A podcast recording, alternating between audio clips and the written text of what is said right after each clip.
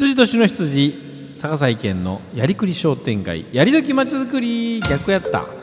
やりどき商店街。やりくりまちづくりという。もうね自分のコーナーのタイトルを間違えるようじゃですね、えー、年寄りですな。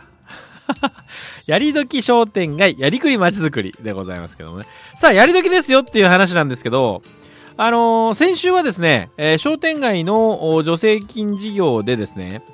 5月の31日までに手挙げとかなきゃダメですよっていうお話の、えー、この、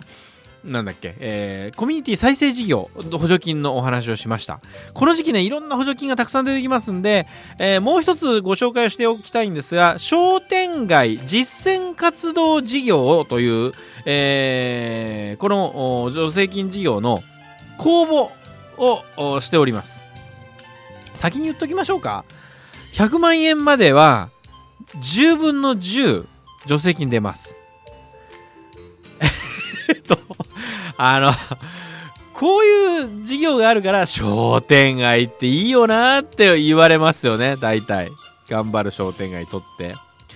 10分の10、あの、女性率10分の10、女性率ってあの、女性がいっぱいいます。みんな女子会ですから、そうじゃなくて、あの、助成金、補助金、ね、えー、補助金が100万円までは10分の10っていうことなんですから、えー、100万円かかりましたって言ったら100万円出してくれるんです。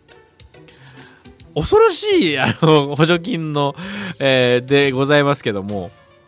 これですね商店街振興組合を作っているとこのみ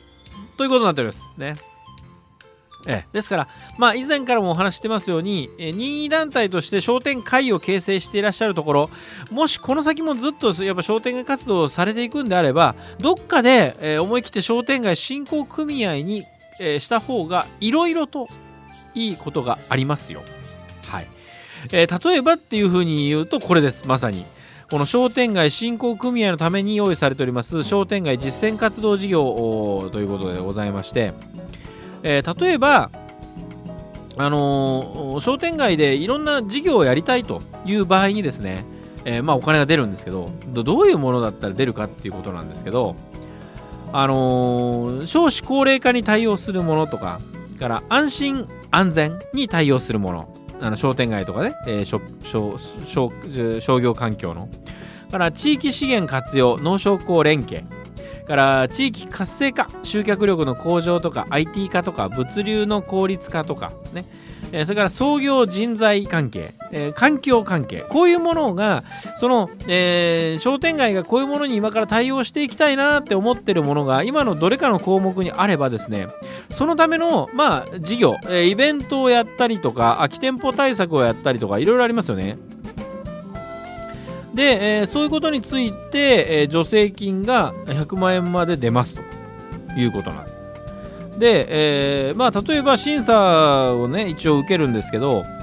あの事業そのやりたい事業がその地域において新規性がある取り組みかどうか、ね、やっぱ新しいもの目新しいものじゃないとと。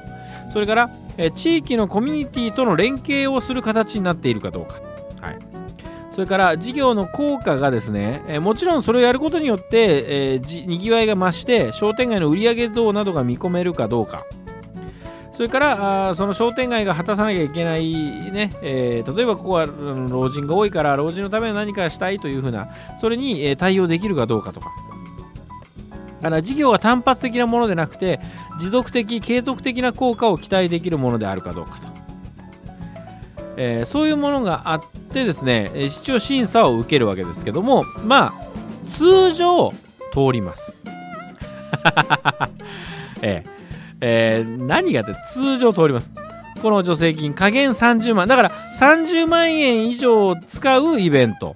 で、えー、100万円以下と。もちろん100万円以上でもいいんですよ。あと残りは商店街が負担しますっていうことで、200万円ぐらいのイベントをやってもいいんですけど、その場合でも最高100万円しか出ませんと。で、まあ、例えばイベントだったりとかね、大型のイベントをやりたいとか、それから、あの、研究会的なものでもいいんですよ。えー、講師を招いて、えー、年に例えば6回ぐらい、えー、そのね、講師の借金とかなんとかを用意して、え研究会やりたいというそういうものでもいいです。それからああとはあなんか広報宣伝にねお金を使ったりとかイベントに必要なものを、まあ、購入したりということもあります。ちなみに去年、えーと、三原の商店街私の担当の商店街では何をやったかというと,、えーと、マップ商店街マップというもの今までなかったんです。駅前の商店街なのに。で、えー、マップ作りをやったりとかそれからあイベントですね。夜を盛り上げようということで。あの夜電球を省電力の LED じゃなくてあの電気使用量の、えー、低い電球に、あの商店街にあります街灯の玉を全部変えまして。でただしこれはこれは助成金事業にならないんですよ。ならないんだけど、えーと、それを変えたということをきっかけにして夜の買い物キャンペーンというのをやったんですね、えでこのキャンペーンにかかるイベント費だとか例えばその、えー、ナイトマーケットをやったりとかキャンドルナイトをやったりとかそれからあと、えー、ほら電柱電電柱とか街路樹にイルミネーションをその期間、えー、3ヶ月間ぐらいつけたりとかそういうものに対して出ますから。で駅前商店街に夜遊びに来てくださいね。夜も買い物できますよ。えー、ものすごい明るい場所ですよということでキャンペーンを打ってですね来ていただくようにしたというのが去年。それで100万、えー、ちゃんといただきました、えー、で今年はあの街の中に三原というところはタコで有名なところなのでタコミュージアムっていうのを商店街の空き店舗を使って作ることにしまして ここに行けば三原のタコのいろんな情報だったりグッズだったりが分かると。でそれだけじゃ商店街にお金が落ちませんから各商店街の中にもミニタコえー、博物館みたいなのを全部作りましてですね。でまあ買おうと思えば買えますよとその世界中のタコグッズとか三原中のタコグッズなんかタコ商品なんかを、えー、買うことができますよというような話にしたんですね。それで一応申請しております。で、えーと、各県のですね、えー、県新連、まあまあ、というか中央会と言った方がいいのかな、えー、が窓口受付の窓口になっておりましてあとはその商店街のそれぞれの定款をコピーで出してくださいとか、えーと、決算報告を出してくださいとかいろんなことあります。書類を作って出すということになっておりますけどもえー、問い合わせしたらね実はこの全国商店街振興組合連合会残念なお知らせが一つあって5月22日必着東京にね。ということは21日の月曜日の午前中にこれ検診連っていうかあの福岡の、えー、中央会に書類が全部揃って届いてないとダメなんです。であもうそれを坂瀬さんねそこまでだって期待させてそれだけの、あのー、ネタを振っといてなんだもう間に合いませんっていう情報かって怒られそうですけど。さあえー、いい悪いの情報悪い情報はそれだったんですが、ね、締め切りがもう来週来てしまうと。いい情報は大統領。どうも大変、ええ、間に合いましたね。間に合いました。よかった。ねもう番組終わるまで間に合わないかもしれないって言われて。皆さんこんにちは、はい、どうもえーえー、関門独立局初代暫定大統領の門司港のバナナマンです。はい。ね、で今、商店街の実践活動事業、はい。えー、我々ちょっと練ってましたけども、うん、あれの締め切りが、えー、もう来ちゃうと。いいいい100万円も、まあ、えー、極端にももらえる？あるはっきりもらいもんですよ、そうもらいもんですよ、はい、なのに、うん、えーと、締め切りが来ちゃうんですっていうのは悪いお知らせとして言ったんですけど、いいお知らせがあります。何ですか？福岡県では、うん、今期この公募が、うん。一件しかありませんでした。あらということはもうほとんどもう素通りというかもう、はい、もう。で素通りですし、うんうん、お役所関係のですね、まあ、外郭団体の仕事ですから、うんはい、あの予算用意してるんですよ。そうですよね。はい、なので必ず、うん。二次募集があります。いやもうねほとんどもう商店街巡りしたいぐらいに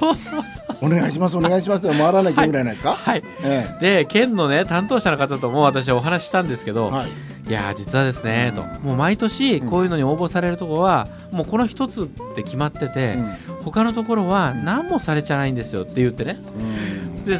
でも文字工的には知らなかった情報じゃないですか。うん、そうね。ね、うん、これをやっぱりやるべきでしょうと。今から準備をして、うん、来年の話ではなくて、夏には二次募集ありますから。やっぱね、商売はね、もう土壇場力ですから。そあと2日しかないと思ってもトライするっていうのがね ね。これがもう勝負うですよ。はい。ええということなんで商店街振興組合を作っていらっしゃるエリアの方、ね。でもしどんなことをやってどんなその何ですか、えー、と事業を組んで申請したらいいかとか申請の方法が分かんなかったら、はい。FM 北九経由でもいいですから私に相談していただいても結構です。え。ねえー専門家としてのあのお手伝いもできますしまちづくり屋としてのボランティアでのお手伝いもできます。どっちでもいいんですけど。北九州市内だけでも二十何個か、はい。30個ぐらいあるんじゃないかな、商店街。その事業をやるための専門家社金というのも用意されてますんで、はいそそれで、うんあ呼んでいただいてもいいですよ。あそうですね。うん。はい。まあ、ええどどどっちにしましてもえそんなね100万円丸々もらえるような、うん。えー助成金事業があるんだったら手を挙げたいという商店街振興組合の方どうぞご相談ください、遠慮なく。ぜひぜひ。はいということでございまして、うんえー今日の私のコーナー「やりどき商店街やりくりまちづくり」でございました。はい